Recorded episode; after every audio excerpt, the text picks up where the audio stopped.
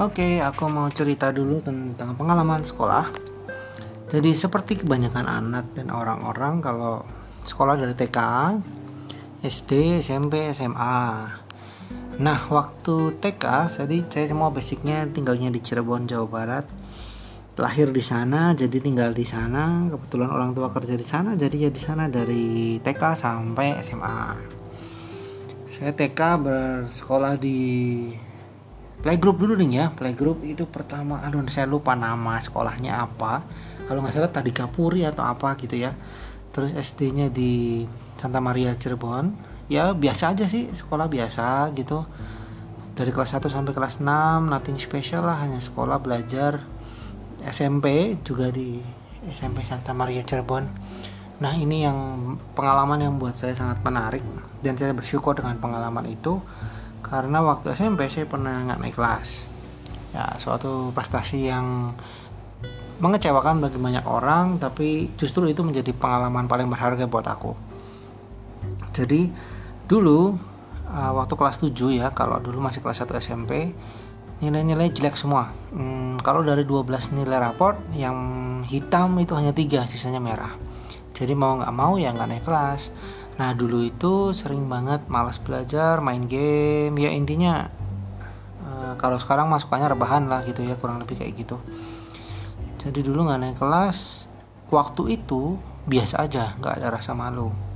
Tapi setelah masuk ke tahun berikutnya yang aku uh, kembali ke kelas 7 sedangkan teman-teman seangkatanku sudah kelas 8 semua dan aku tetap kelas 7 dan ketemu teman-teman baru yang dari SD itu kan barulah di situ ngerasa malu. Ya ampun ternyata gue tua dan di sini sama teman-teman yang lebih muda gitu kan.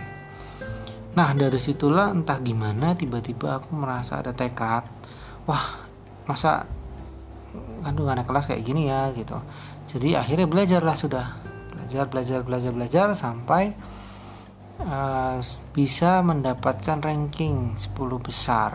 Ajaib ya jadi kelas 7 entah gimana caranya belajar. Mungkin karena pelajarannya udah pernah ya jadinya lebih gampang.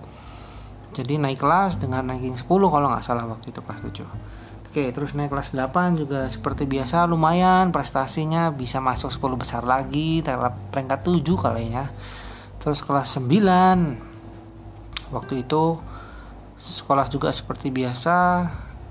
Prestasi yang membanggakan karena bisa ranking 3 buat saya udah keren banget ya kan terus UN juga masuk ke paralel berapa besar gitu sesuatu yang membangga, membanggakan juga. Waktu itu tapi kalau sekarang merasa itu ya biasa aja. Nah terus juga pertama kali kenal sama namanya jatuh cinta cinta monyet cewek itu ya kelas 3 SMP mungkin kalian semua juga ada yang seperti itu atau malah dari SD ya?